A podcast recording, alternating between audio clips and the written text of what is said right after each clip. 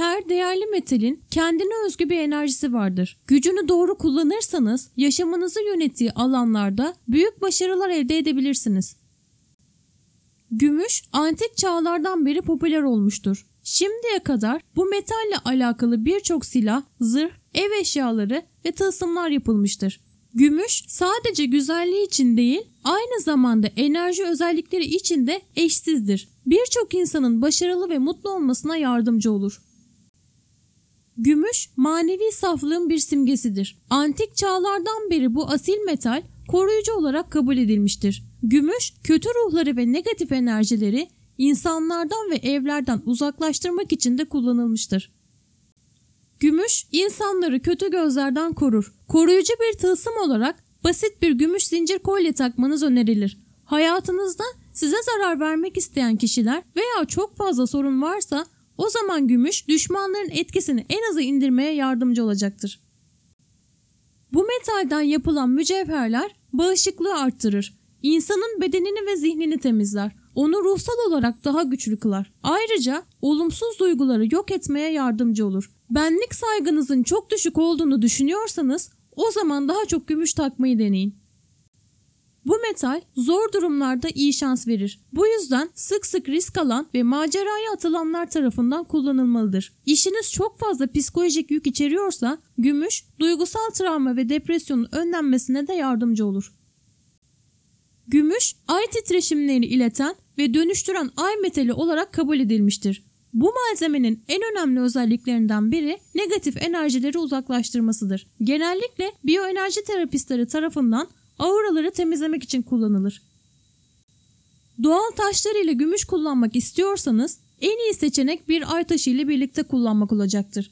Çünkü ay taşı ve gümüşün enerjik özellikleri birbirlerine çok benzer.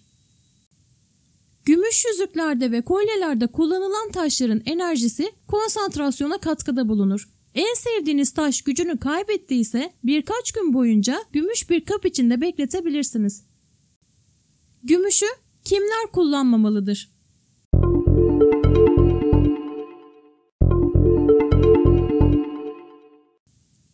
Gümüş takı derin duygusal doğası olan insanlar için tavsiye edilir.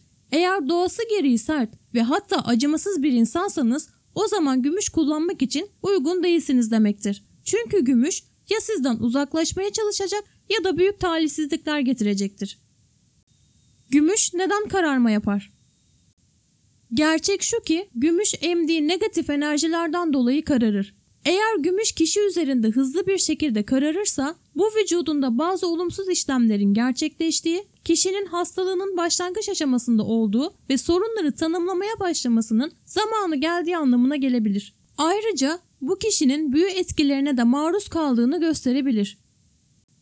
Gümüşün zararları Gümüşün sinir sistemi üzerinde sakinleştirici bir etkisi vardır. Ancak zaman zaman aşırı miktarda gümüş enerjik durgunluğa yol açabilir. Bu yüzden sanatla veya diğer etkinliklerle uğraşan insanlar gümüşün gücünü makul bir şekilde kullanmalıdır.